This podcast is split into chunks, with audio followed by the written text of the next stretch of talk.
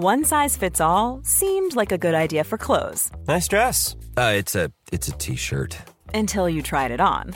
Same goes for your healthcare. That's why United Healthcare offers a variety of flexible, budget friendly coverage for medical, vision, dental, and more. So, whether you're between jobs, coming off a parent's plan, or even missed open enrollment, you can find the plan that fits you best. Find out more about United Healthcare coverage at uh1.com. That's uh1.com.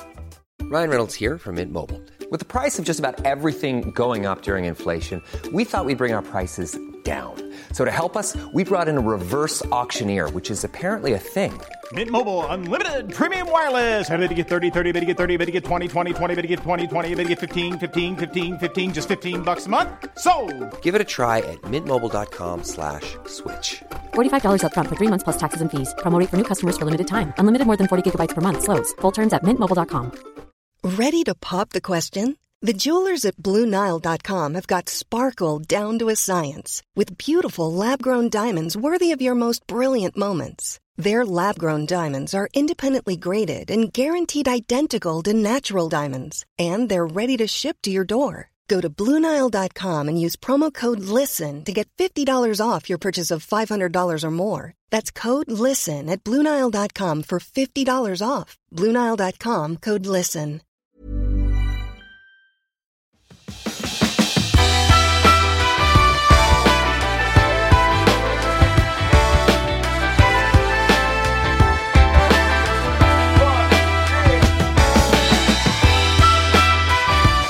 Hej och välkommen till Klimakteriepodden med mig, Åsa Melin. Avsnitt 120. Och gisses, alltså vilken respons det var på förra avsnittet. Eh, vad roligt att ni var så många som blev inspirerade och peppade av Susanne Dahlseth. Hon eh, gav en riktigt, riktigt bra start på året när det gäller motivation och att sätta mål. Jag erkänner faktiskt att jag lyssnade på avsnittet två gånger samma morgon som det släpptes, trots att jag så att säga har hört det förut.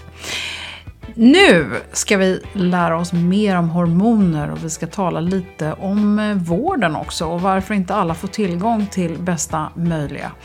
Och varför vi plötsligt ska sträva efter balanserade hormoner när vi under vår fertila ålder har farit upp och ner under månadscykeln.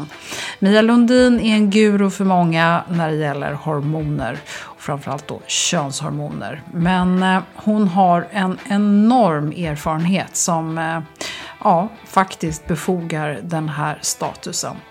Hon har hjälpt kvinnor i över 30 år Eh, med hormonella problem i alla åldrar. Och har du inte hört henne i avsnitt 86 och 87 så börja gärna där. För i det här avsnittet så går vi lite djupare. Men eh, det är inte alls säkert att du inte hänger med för det. Men eh, du kanske inte får svar på alla frågor som du hade förväntat dig. Och då har vi en del mer basic i 86 och 87. Så gå gärna tillbaka dit. Just nu så är Mia Lundin högaktuellt med en ny bok som heter Vägen mot hormonell balans och en föreläsningsturné. Och det kan du läsa mer om på Klimakteriepoddens Facebook-sida. Så nu kör vi igång. Välkommen och lyssna.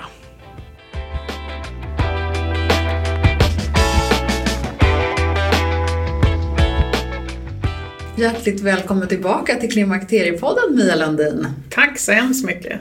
Nu är vi här på Hörcare igen och eh, anledningen till det är att du äntligen har din vackra nya bok i knät kan man säga. Ja, jag är så glad. Den känns så fin och den, den känns så skön att hålla i också. Ja, den är faktiskt väldigt på. vacker. Det är härligt material. Vi ska, Ja. inte, eh, vi ska lägga upp någon bild så att man kan få titta på den. Men Vägen till hormonell balans är i alla fall Mia Lundins nya bok. Och för den som inte vet vem du är så kan man gå tillbaka och lyssna på avsnitt 86 och 87.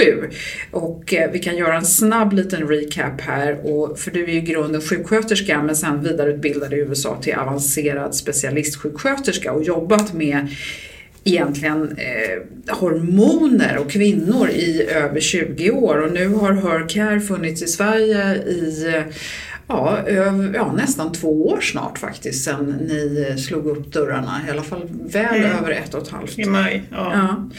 Ehm, så att jag vill också passa på att tacka så mycket för de här tidigare avsnitten som jag nämnde 86-87 här när du var med. För de var otroligt uppskattade. Väldigt många kvinnor som har kommit tillbaka och sagt att de var så tydliga och plötsligt föll poletten ner. Vad kul, det är jättekul att höra. Men det är så kul att bli intervjuad av dig för att du vet uh, hur du ska ställa frågorna också. Så du är ju nästan hormonexpert själv, själv nu. Du börjar jobba här snart. Ja, precis. Det ni gör är att ni tar kvinnors hälsa på allvar ur ett helhetsperspektiv. Berätta, hur har det liksom blivit mot hur du hade tänkt eller trott att det skulle bli innan? Jo men det har nog blivit mycket som jag har trott egentligen. För jag har ju träffat de här patienterna tidigare under många år och visste ju vilka det var som skulle komma och söka sig hit. Och svårigheten är ju att få till hela teamarbetet eftersom det blir en viss kostnad för patienten. När jag arbetade i USA så tog jag ju många av de bitarna själv eftersom där får jag förskriva och Eh, diagnostisera och remittera. Men här får vi dela upp det lite grann bland personalen för att eh, näringsterapeuten kan ju inte göra vad gynekologen gör och gynekologen vet inte, känner inte till näringsterapi. Så att, eh, sen har vi ju en, en um, samtalsterapeut och, och mycket av det där gjorde jag ju själv. I början visste man kanske inte riktigt vad man kunde söka för här så det har vi gjort lite mer tydligt på hemsidan att man söker för förklimakterie, klimakteriet, PMS, PCOS, sköldkörtelproblem och liknande så man vet mer. Då kommer jag hamna här och så här ser då um, flödet ut för just den patienten. Så det har vi anpassat lite mer man kommer inte hit för ett quick fix. Det är ju så, vi, titt, vi ser ju på det lite annorlunda än de flesta andra ställena. Vi vill jobba med uh, den grund, din grundläggande hälsa. Om hur du mår, hur, hur, Eh, vad, har, vad beror dina symptom på? Vad kan vi korrigera i din kropp så att den fungerar bättre? Lite grann från eh, funktionsmedicinskt perspektiv då. Vad som är viktigt är ju att förebygga sjukdom också i framtiden och se till att din kropp verkligen får den näring den behöver, de hormoner den behöver, det stöd den behöver, att din tarm fungerar som den ska så att du faktiskt tar upp näringen. Så det är lite bredare än ja, ett 15 minuters besök på vårdcentralen om man säger så. Ja, nej men jag förstår och där kommer vi egentligen in på det faktum att det kommer bli svårt kanske att tro att den typen av vård som ni erbjuder någonsin ska bli en landstingsverklighet? Det har jag svårt att se för att det kommer inte den, all, den landstingsvården att kunna erbjuda. Det kostar för mycket att erbjuda den vården. Det kostar för mycket att, att driva en sån här typ av, av, av vård. Men jag vill ändå att den ska finnas tillgänglig för de som kan. Uh, och jag tycker att det, det är någonting som är viktigare egentligen än din hälsa. Går jag till exempel med hunden till uh, djursjukhuset, då pungar man ut både 7, 10, 15 tusen utan att uh, nå klagomål. Men man har förväntningar på att uh, den här vanliga vården ska ta hand om dig um, på ett sådant sätt som de inte har kapacitet att, att göra i dagsläget. Och jag tror inte att det kommer bli någon större förändring, det kommer bli sämre och sämre. Det finns inte skattepengar som kommer att täcka den här typen av vård. Um, och man kanske kommer behöva titta mer själv på att teckna försäkringsavtal. Uh, och vi jobbar också på det uh, just nu, att, att teckna avtal med vissa försäkringsbolag för att man ska kunna då komma hit via försäkring. Mm. Mm. Men jag tycker att det här är jätteviktigt, din egen hälsa och prioritera den. Mm. Ja, vi, vi är duktiga på att prioritera mycket annat men kanske hälsan kommer lite för långt ner många gånger. Ja, jag tycker det. Ja. Du, eh, vad är nytt? Varför skriver du en ny bok? Hormoner är väl hormoner, kvinnohälsa är kvinnohälsa. Vad, vad behöver sägas? Jo, den här boken är lite mer baserad på um, svenska förhållanden och eh, hur det ser ut i Sverige, vilka produkter som finns i Sverige, hur det har sett ut i Sverige tidigare och vad som kommer att hända i Sverige när det gäller hormonersättning. på ett enkelt sätt försöka svara på de här återkommande frågorna. Är det säkert? Eh, eh, ska jag ta hormoner eller inte? Jag mår bra, ska jag ta dem ändå? Um, men också mycket, vad är egentligen symptomen av förklimakteriet och klimakteriet? För jag tror att många, det här har vi pratat om mycket tidigare, men jag vill också säga det här i det här avsnittet, för att många kanske inte riktigt förstår, förstår att det här, de här symptomen kommer från hormonella obalanser. Och eh, man kanske inte söker till en gynekolog för de typerna av symptom. Så det är viktigt att, att jag får ut också att det här att um, det också handlar inte bara om hormoner. Jag fokuserar ju mycket på det och jag tycker det är jätteviktigt men det finns andra sätt att må bra. Och det tar jag också upp i boken som livsstilsförändringar och andra um, saker man kan göra för att må bättre. Mm. Mm. Ja, men jag gillade den sektionen jättemycket och vi ska komma tillbaka till den. Men jag tänker, en annan fråga som jag tycker är intressant, det är ju så här, man pratar ju mycket om att det är lite så här okej okay nästan att inte må bra. Att man, för nu är ju du mycket bredare än att tänka bara klimakteriet. Men om, vi, om du och jag nu pratar till klimakteriekvinnan eller kvinnan 40 och uppåt så är det så här, kan man förvänta sig att må hur bra som helst? Eller liksom får man, ska, för, jag, för jag upplever att många säger ah, men det är ju så här, man blir äldre, oj oj oj, nej men klimakteriet, då är det lite skit och lite filt över huvudet. Hur bra ska man kunna må? Ja men jag tycker alltid att man ska sätta ribban högt och sträva för det. För jag brukar säga så här till patienterna, there's always a way. Och givetvis kommer man att förändras med bara åldern. Vi blir ju annorlunda, vi tänker annorlunda. Saker och ting som var väldigt viktigt tidigare kanske inte är så viktigt längre. Vi förändras. Och det är så mycket mer än eh, hormonerna som ändras just runt den här tiden som man måste ha i åtanke. Och, och ja, jag tycker att man ska i alla fall må som man brukade, om inte ja. bättre. Alltså ja. innan man gick in i klimakteriet. Nu kan man ju lida av många andra, ha många andra symptom som kanske beror på många andra orsaker än just klimakteriet. Jag tycker nog att man ska sätta ribban högt. Ja, mm. jag vill må bra. Mm. Jag vill ha, jag vill kunna fokusera, jag vill ha energi, jag vill kunna sova bra. Ehm, jag skulle, sen så finns det andra saker som man måste tänka på. Jag kanske vill ha mer tid för mina vänner, jag kanske ska tänka på hur mycket jag arbetar, hur mycket jag fokuserar på mig själv och sådana saker. Ehm, det är också jätteviktigt att spela roll. Att eh, gemenskap och um, att vara med andra människor också. Jag tycker inte vi tar tillräckligt med tid med det för att vi är så fokuserade på, fokuserade på andra saker och uppkopplade och glömmer bort den där mänskliga faktorn. Vilke, om vi ska gå tillbaka till det här då, som du pratade om att allting inte bara hormoner utan liksom hormonerna kan bli störda av livsstilen och sådär. Men finns det några sådana riktigt tydliga tecken på att det är just hormonbalansen som är störd? Ja precis, det första man ser ju är ju mensrubbningar. Det är ett klart tecken på att det troligtvis är en hormonell obalans. Det kan också vara andra orsaker till oregelbunden blödning, men, eller mens. Men det är där man ser det först, att det har, någonting har förändrats med din mens. Den kanske är mindre regelbunden, kommer tätare, du blöder, du har rikligare mens. Um, men också det här det cykliska, att det är cykliska symptom som du upplever. Har du samma symptom hela månaden då är det troligtvis inte hormonell uh, obalans som du lider av. Men, men vad jag alltid säger och jag skriver igen i den här boken är att du mår som du mår från hur hormonerna påverkar dina signalsubstanser. Så givetvis kan du ha obalans i signalsubstanserna utan att du har hormonell obalans. Signalsubstanser är något som vi inte har pratat så mycket om i Klimakteriepodden. Kan du inte bara eh, kort, det är, inte så, det är ett komplicerat ämne, men, men mm. beskriva dess funktion eller deras funktion? Ja, så gärna. Så det är det jag älskar, jag älskar att prata om.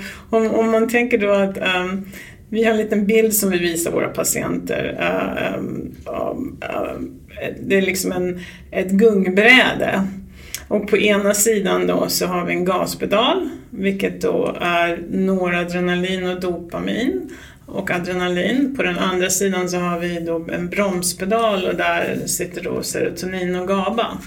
Alla de här olika signalsubstanser, vissa då är lite kombination signalsubstans och binjurehormon. Men om man tänker sig det på ett enkelt sätt så vill vi att den här gungbrädet ska vara rakt och inte dippa på den ena sidan eller den andra.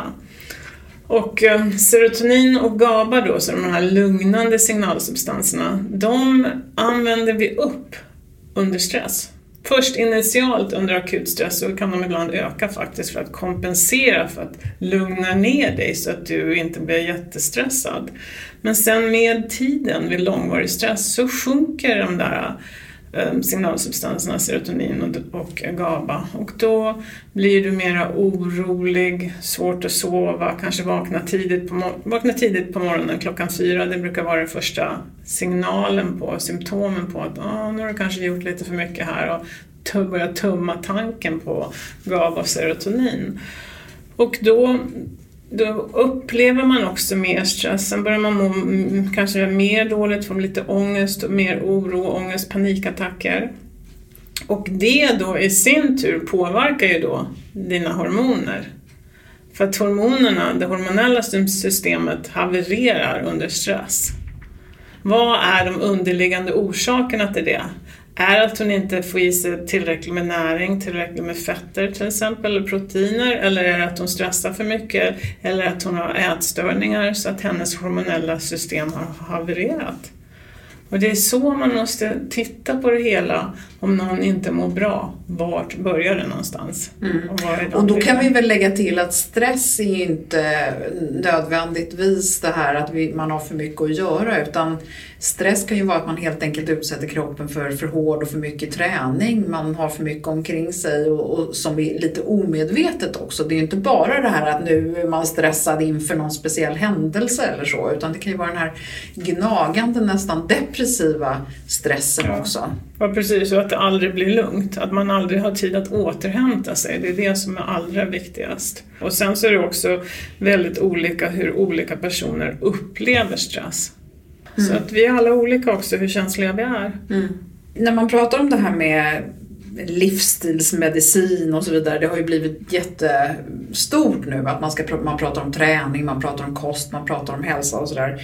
Så ska man göra det istället för symptomdämpande piller och så vidare. Och en sak som ju kommer att bli superaktuellt för oss som är i klimakteriet det är ju huruvida man ska tillföra hormoner eller inte. Finns det någon, kan man tänka att hormoner också är symptomdämpande? För att så fort du tillför till exempel östrogen så brukar det ju lugna sig. Då brukar ju den här sömnen kanske fixa sig och, och systemet brukar hamna på en lite skönare nivå. Kan man, ja, det kan man nog lätt säga. Symptom betyder ju att kroppen skriker på hjälp. Den vet inget annat sätt om man ska lägga det på väldigt uh, basic level. Den skriker på hjälp. Hjälp mig, ge mig något eller ta bort något, det här känns inte bra. Och är man då utbildad som läkare eller barnmorska eller mm, vem du nu träffar i att läsa symptom och förstå vad de menar, då vet vi vad du behöver. Men det där har man tappat lite grann i medicinen idag för att man ska bara ta prover på allting för att se eh, istället för att verkligen lyssna på patienten. Men lyssnar du verkligen och har jobbat som jag har gjort med patienter nu ja, i 30 år då känner man igen de där symptomen och vet uh, vad de beror på. Så det är ju absolut så uh, i klimakteriet att när östrogenet sjunker då, då känner ju kroppen efter att hjälp, vad tog det där vägen nu som fick mig att må så bra? Och få mig känna mig så balanserad. Kan jag få tillbaks det tack? Mm. Och det är då man, det är de symptomen man får då som är i klimakteriet och när östrogenet har sjunkit, det är den här gråtmildheten och, och ledsamheten och flat, man känner sig flat, omotiverad och så vill väl ingen känna sig men som jag sa tidigare, det går och, uh, och att, att fixa på andra sätt än med hormoner men hormoner ofta, precis som man inte väntar så länge heller, kan då det ske en förändring bara på några timmar, ibland på några dagar.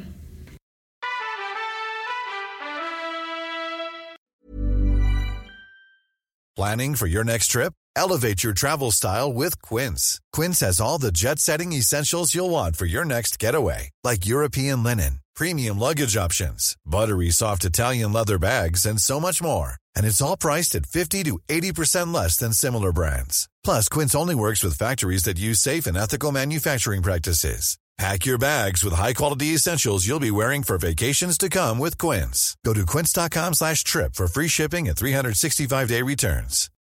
Millions of people have lost weight with personalized plans from Noom. Like Evan, who can't stand salads and still lost 50 pounds. Salads generally for most people are the easy button, right? For me, that wasn't an option. I never really was a salad guy. That's just not who I am. But Noom worked for me. Get your personalized plan today at Noom.com. Real Noom user compensated to provide their story. In four weeks, the typical Noom user can expect to lose one to two pounds per week. Individual results may vary. Ever catch yourself eating the same flavorless dinner three days in a row? Dreaming of something better? Well, HelloFresh is your guilt-free dream come true, baby. It's me, Kiki Palmer. Let's wake up those taste buds with hot, juicy pecan-crusted chicken or garlic butter shrimp scampi. Mm. Hello Fresh. Stop dreaming of all the delicious possibilities and dig in at HelloFresh.com. Let's get this dinner party started.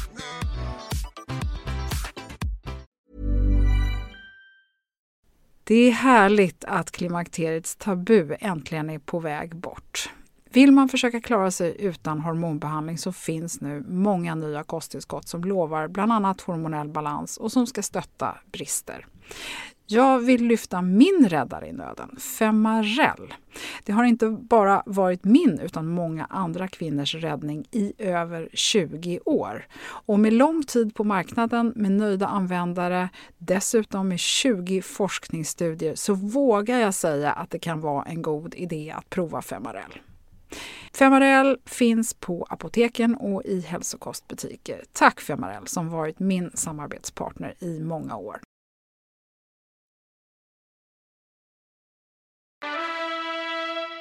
Vad du egentligen säger är att hormoner är ett sätt att symptomdämpa utifrån men det finns andra vägar som man kan gå via livsstilen för att få bort de här klimakteriesymptomen som nattsvettningar, gråtmildhet och vallningar och allt vad vi nu kämpar med.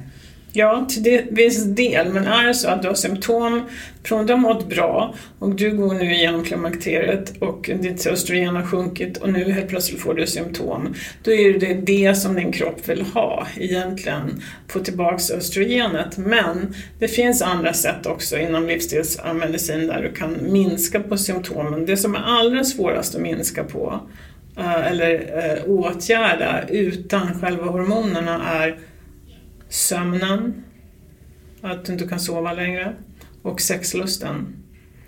Det är väldigt, eh, de är de svåraste symptomen att behandla med andra medel än hormoner. Mm. Okay. Eh, man pratar jättemycket om eh, det här med östrogenets goda egenskaper och att man, liksom, när man tappar det så det måste man tillföra. Så har vi då progesteronet eller gestagenet som måste tillföras om man har sin livmoder kvar för att eh, inte bygga upp någon livmoderslemhinna som potentiellt kan bli cancerogen och så vidare. När man är för klimakteriet så pratar man ju om att det är oftast progesteronet som ger vika först och det ger då eh, mycket symptom, bland annat liksom blödningsmönster och, och, och att man börjar må dåligt där och då man tillför till exempel progesteronkräm så mår väldigt många mycket bättre. Och sen kommer vi in i klimakteriet och då, då säger man ju så här, ja men nu är det dags att tillföra östrogenet. Och då pratar vi inte om progesteronet längre utan då är det bara det, något nödvändigt ont så att säga. Kan vi inte prata om progesteronets roll? Mm. mm. Jo, jag tycker det, det är balans i A och O. Och de här två, tillbaks till signalsubstanserna då, så påverkar ju östrogenet och progesteronet signalsubstanserna på helt olika sätt. Så för att hitta balans i signalsubstanserna måste man ofta tillföra då balans i både östrogen och progesteron. Men det är många kvinnor som hör av sig till mig som har haft kanske en hysterektomi och inte har en livmoder längre och, och eh, tar östrogen och undrar, ska inte jag ta progesteron också? Och vad jag har sagt i min praktik i USA är att det spelar inte så stor roll eh, att du har opererat bort livmodern utan jag tittar på hur du mår. Är det så att du har sådana symptom där, där du kanske behöver lite progesteron också för att känna den här balansen så ska du ta det också. För att en del kvinnor som har haft en hysterektomi och tar bara östrogen blir väldigt stimulerade. Östrogen är lite mer stimulerande hormon än progesteronet. Typ att man blir lite hypad? Ja, precis. Eller att man behöver den där hypen. Man kanske ligger här nere och behöver lite energi och motivation och, och då hjälper östrogenet till för att, att höja det. Men ökar man för mycket, det är på den där andra sidan av gungbrädet där noradrenalin och, äh, ligger bland annat. Pumpar man på för, med för mycket östrogen då kommer det öka noradrenalinet för mycket så du blir orolig och många kvinnor blir det av östrogen. För att de har inte den där balansen av signalsubstanserna riktigt. Så de tar östrogen, de börjar känna sig mer oroliga, nervösa. De behöver också progesteron för att då balansera den här andra sidan på det här gungbrädet där serotonin och GABA ligger. Så, att så de det är känner... inte så enkelt som att man bara drar ner dosen på östrogen? Nej, för de kanske behöver den dosen för att kunna få den där. Sömnkicken och andra ja, precis, effekter. Ja, precis. Också den förebyggande effekten. Men man kan också minska på östrogenet och se om de fortfarande mår bra av det. Eller så kan man lägga till progesteron. Så det är en, en balansgång där och det är en finjustering som bör göras efter att man har börjat med hormoner. Och därför när jag förskrev hormoner så började jag alltid med cykliskt progesteron. För att jag ville veta hur mådde den här kvinnan en månad på bara östrogen? Okej, okay, då mådde jag så. Ja, hur mådde du sen då när du la till de här 12 kvällarna progesteron? Ja, då mådde jag ännu bättre, eller då mådde jag inte bra alls. Då vet jag lite grann vad de här olika hormonerna har gjort med hennes um, balans av hennes signalsubstanser. Mm. Och vet lite grann hur jag ska modifiera. Så att det är en konst det där egentligen, hormonersättning. Det är inte bara att köra på. Många svarar jättebra och det är jätteenkelt men andra behöver den här finjusteringen. Och det tar tid att lära sig. Det är erfarenhet. Mm. Jag tänker på att när vi går i vår naturliga livsfas eh, innan vi kommer in i klimakteriet och innan menopaus så svänger vi ju otroligt mycket under månaden. Och då är det ju, eh, när vi så att säga sen kommer i klimakteriet då blir det lite platt fall. Eh, från att ha varit van att ha liksom skyhöga, eller skyhöga, men höga östrogennivåer och sen så lugnar det ner sig och sen så progesteronet så, så lever de i sin lilla symbios där. Eh, sen så när vi, till, när vi kommer i klimakteriet då ska vi tillföra hormoner som är en jämn nivå hela tiden. Mm. Borde vi inte fortsätta med det här liksom upp och ner som vi är vana vid? Om man nu ska försöka fortsätta ha hormoner som man mådde bra på innan klimakteriet. Det där är en jättebra fråga och väldigt intressant fråga. För att eh, är, är det meningen att vi bara ska ge hormoner så att kroppen lugnar sig lite grann? Eller ska vi lura kroppen att det här fortfarande pågår så att vi fortsätter att leva uh, forever? Nej, jag vet faktiskt inte. Jag eh, det är en tjej som heter T.S. Wiley som skrev en bok, nu kommer jag inte ihåg vad den hette nu, boken i USA, men hon, det är den här Wiley Protocol som var väldigt poppis i USA um, eh, för sådär tio år sedan.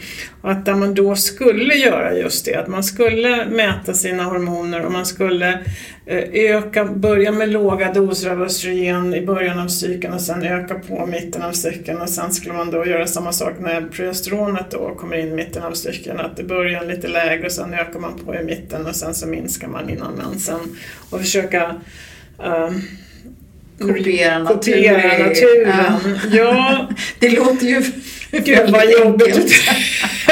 Du tyckte det andra är svårt, tillräckligt svårt att få någon balanserad så att det där hängde inte jag riktigt uh, med på och höll inte med om och tyckte att nej, det där känns inte rätt. För att anledningen till att man har den där fantastiska um, symfonin av hormoner i, i din fertila ålder är ju just för att mm, förbereda din kropp på, på uh, um, implantation, Graviditet. graviditet ja. Och det är inte meningen längre. Och det är hormoner som du tar, om du tänker dig um, mitt i cykeln, nivån av östrogen mitt i cykeln när du är fertil, så kanske du när du tar hormoner i klimakteriet kommer upp i en tredjedel, en fjärdedel av den nivån. Så att du inte alls uppe i samma nivå som du var när du var fertil. Um, östrogennivå alltså. Mm. Så det är bara lite östrogen för att hålla tyst på kroppen ungefär och förebygga då, vi lärt oss, förebygga sjukdom. Men vem vet? Kanske i framtiden att vi går runt med östrogenpumpar precis som insulinpumpar och man mäter östrogenet och så ökar man på så att man re- reproducerar en sån här fin cykel som vi har under våra fertila år. Eh, Men jag tror inte jag kommer att leva så länge så jag får se det, men vem vet? Nej. vad vi kommer att göra för att försöka leva längre. Mm. Jag blir nyfiken på också, för det är många lyssnare som hör av sig och säger hur ska man veta vad som är lagom med östrogen? Eh, Det är ju lätt att du får Får man tabletter så får man tabletter, det är inte så mycket att göra åt. Men, men om du då har plåster eller pumpar så säger du ah, men jag klipper och klistrar lite eller jag tar en liten extra pump här. Och, alltså hur, och då brukar jag säga att alltså, får man för mycket östrogen så blir man lite speedad och man får lite spända bröst och man kanske drar på sig vätska och, och sådär. Men då låter det ju som att man skulle kunna kompensera det med att ösa på lite mer progesteron då. Ja, vad duktig du är förresten. jo, det, där har man ju valet då, minska på östrogenet eller öka på med progesteronet. Men det som man eh, vill vara så försiktig med är ju att se till att patienten får tillräckligt med progesteron. Det, man, vi tycker inte om att minska på progesteronet om man har en livmoder, för man vill ju att helst att patienten ska använda de doseringarna som vi då har studier på att eh, det verkar då um, förebygga livmoderscancer. Så jag själv modifierar hellre östrogenet och låter patienten vara kvar på den dosen som vi har forskning på gällande progesteronet. Men hur vet man att man är balanserad? Jo, det är ju meningen att man ska må som man brukade innan man gick in i klimakteriet. Att du ska känna dig motiverad, fokuserad, sova bra och hitta lugnet, eh, precis som du gjorde innan. En del kvinnor som lider av PMS och den här eh, hormonella kurvan som man är utsatt för, eller eh, förändringarna här månad efter månad, de ser fram emot just klimakteriet när det är lite mer stiltje när det kommer till den hormonella produktionen och det är lugnare då. Det blir inte det här galna som det är för klimakteriet. Eh, då som hormonerna är så mycket obalans och orsakar så mycket oro, irritation och ångest. Eh, och hormonerna bara flyger upp och ner. Så vill vi inte ha det. Det är lugnare när det är precis samma varje dag. Jag vill att vi eh, också bara ska prata lite grann om liksom det här med att halva befolkningen, halva livet befinner sig efter menopaus. Och eh, man kan ha, det finns ju som du beskriver väldigt bra i din bok också det här att det finns ett öppet fönster. Har man inte börjat med sin hormonbehandling, eh, ja, nu brukar man ju säga då max 10 år efter sin menopaus, men hell, desto förr desto bättre egentligen. Om man nu har passerat det här fönstret eller inte av andra anledningar kan eller vill ta hormoner, hur, hur ska de här kvinnorna liksom tänka. För, för jag får en del som liksom är lite ledsna. De lyssnar på podden och så känner jaha men jag då och jag, har inte, jag var inte med på det tåget. Eller då var det alla trodde att man fick cancer bara man tittade på hormoner och nu är det annorlunda och jag får inte vara med. Nej, jag, jag vet och eh, ibland glömmer jag bort det där också när jag föreläser att det faktiskt sitter många av de kvinnorna i publiken också. Och jag kan förstå dem om de hör vad jag säger och vad jag skriver här i boken. Men jag tycker inte jag tycker att det finns så mycket annat man kan göra för att eh, förebygga sjukdom. och må bra. Så när man kommer till måendet då, då är det ju väldigt viktigt att eh, titta på just stresshantering och, och återhämtning och all, hela den biten. Och det är ju inte riktigt min specialitet men det har vi en, en samtalsterapeut som hjälper våra patienter med. Men också titta på vad, hur mår du och varför mår du som du gör? Får din kropp vad den behöver? Får den tillräckligt med, har, hur är det med D-vitaminvärdet? Hur är det med ditt magnesium, som vanligaste eh, bristerna vi har i Sverige. Hur tar du tillräckligt med, får du tillräckligt med omega-3 eh, fettsyror? Um, fungerar din tarm så att du tar upp den här näringen? Um, hur är det med signalsubstanserna? Tillverkar du tillräckligt med signalsubstanser? Vad har du för uh, symptom? Kanske vi ska titta på balansen där, kanske vi ska mäta det. Eh, det finns så mycket man kan göra. Förebyggande av hjärt och kärlsjukdom, det jobbar ju våra näringsterapeuter med här samtidigt som eh, benskörhet om det är så att man inte kan ta hormoner. Ehm, och sen hela den andra biten med mindfulness och allt det som man kan också få stöd och hjälp med. Så att det finns väldigt, väldigt mycket man kan göra eh, om man nu har missat bussen eller man är hormonbussen som jag säger, mm. säger eller att man inte kan ta hormoner för att man har kontraindikationer till det. Då. Jag tänker att eh, vi avslutar med bara det här eh, ämnet som är också säsongs eh, intressant med viktuppgång och tarm och måendet. Och det pågår ju otroligt mycket spännande forskning just på det här området med tarm och inflammation och måendet och hormonbalanser och så vidare. Berätta, du tar upp det i boken. Ja, de vanligaste orsakerna då till viktuppgång just i klimakteriet är ju att östrogenet skyddar ju dig på visst sätt där. Det minskar ju inflammationen eller förebygger inflammation. Det eh, hjälper din kropp att balansera dina signalsubstanser. Så vad som händer då är att först och främst så mår man inte så bra. Kanske efter klimakteriet, man känner att man blir lättare stressad, man sover inte så bra, Eh, kortisolet går upp, vilket är stresshormonet och det ökar då vikten just runt bysten och um, magen. Sen så kanske man också stressar mer och då samtidigt minskar serotoninet uh, i din kropp. Serotonintanken töms lite grann och när den nivån sjunker så vill du äta mer bullar och, och kakor och, och, pizza och sånt för att uh, de här snabba kolhydraterna, du får sug för dem. Um, Sen så det här med inflammationen då, att ju mer inflammation du har ju lättare går du upp i vikt. Och eh, östrogenet är de bäst, bästa antiinflammatoriska medel man kan ha i sin kropp eller hormoner. Eh, en annan intressant anledning till att vi går upp i vikt och i klimakteriet är att kroppen håller kvar fettceller för att kunna konvertera binjurehormonerna till östrogen. Så att du inte blir helt utan. Så det är faktiskt väldigt vanligt att kvinnor som är jättesmala har mycket svårare klimakterium om de inte tar hormoner alltså. Så att det finns en viss sån här skyddsmekanism. Nu håller vi kvar det där, det är som klister. det vill inte liksom försvinna utan det sitter där just kanske för den orsaken. Det är bara min teori. Ja, inte egentligen bara min teori för att vi, vi konverterar äh, binjurhormonerna till östrogen i, fettcellerna. Men äh, det är väldigt intressant. Ja. Vi har ju östrogenreceptorer i hela kroppen, hjärnan och skelettet och men också mång, mycket i tarmen. Så att, så att tarmen mår bättre när du också har östrogen i kroppen. Så när östrogenet försvinner så mår inte tarmen så bra ofta.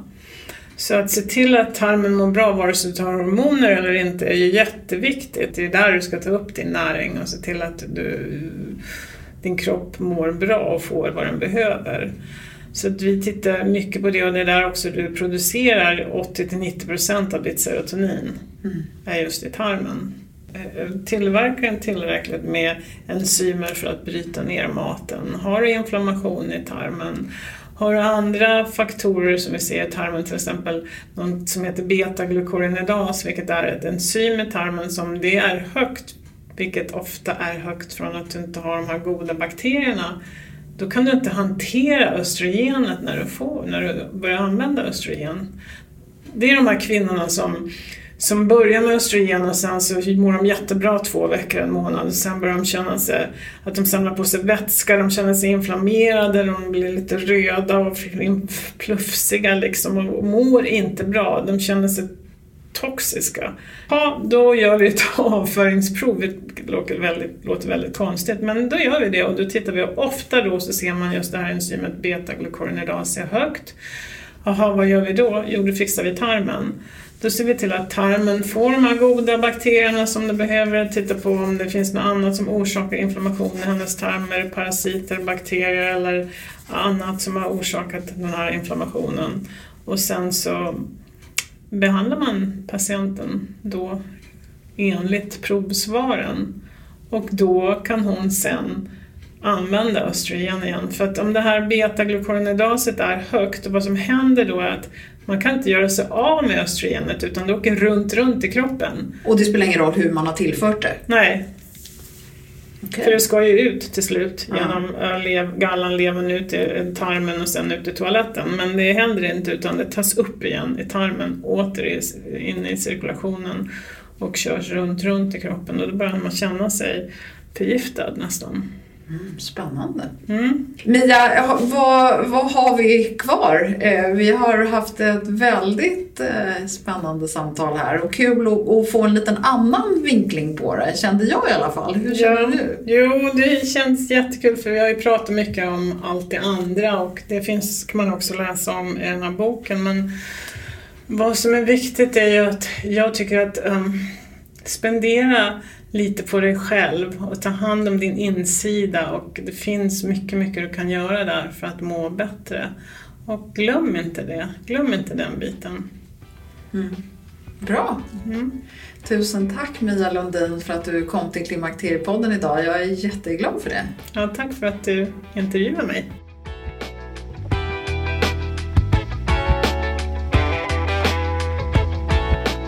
Är du intresserad av det här med just tarmhälsa och inflammation så lyssna gärna på ett antal avsnitt. Bland annat så är det ett superbra avsnitt där Martina Johansson är med, 109.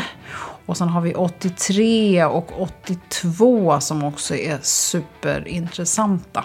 Bland annat med Maria Borelius där hon pratar om sin hälsorevolution.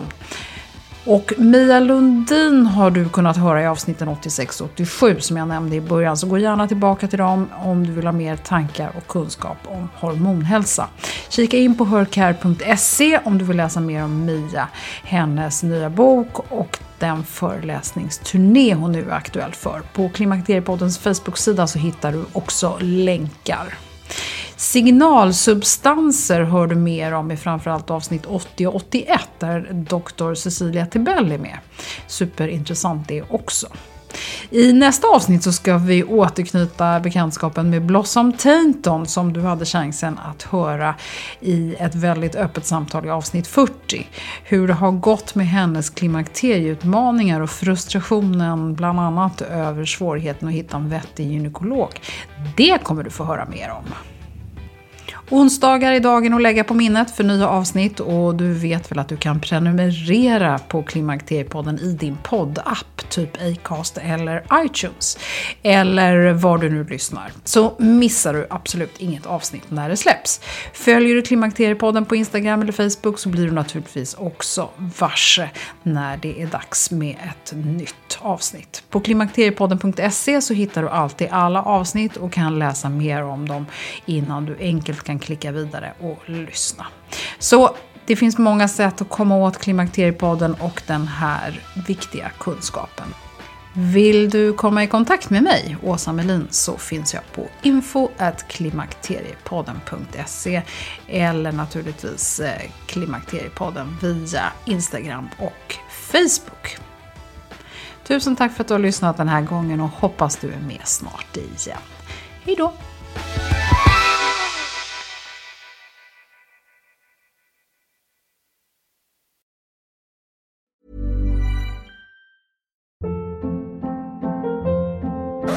Hold up. What was that? Boring. No flavor. That was as bad as those leftovers you ate all week. Kiki Palmer here, and it's time to say hello to something fresh and guilt-free. Hello Fresh. Jazz up dinner with pecan-crusted chicken or garlic butter shrimp scampi. Now that's music to my mouth. Hello Fresh. Let's get this dinner party started. Discover all the delicious possibilities at hellofresh.com.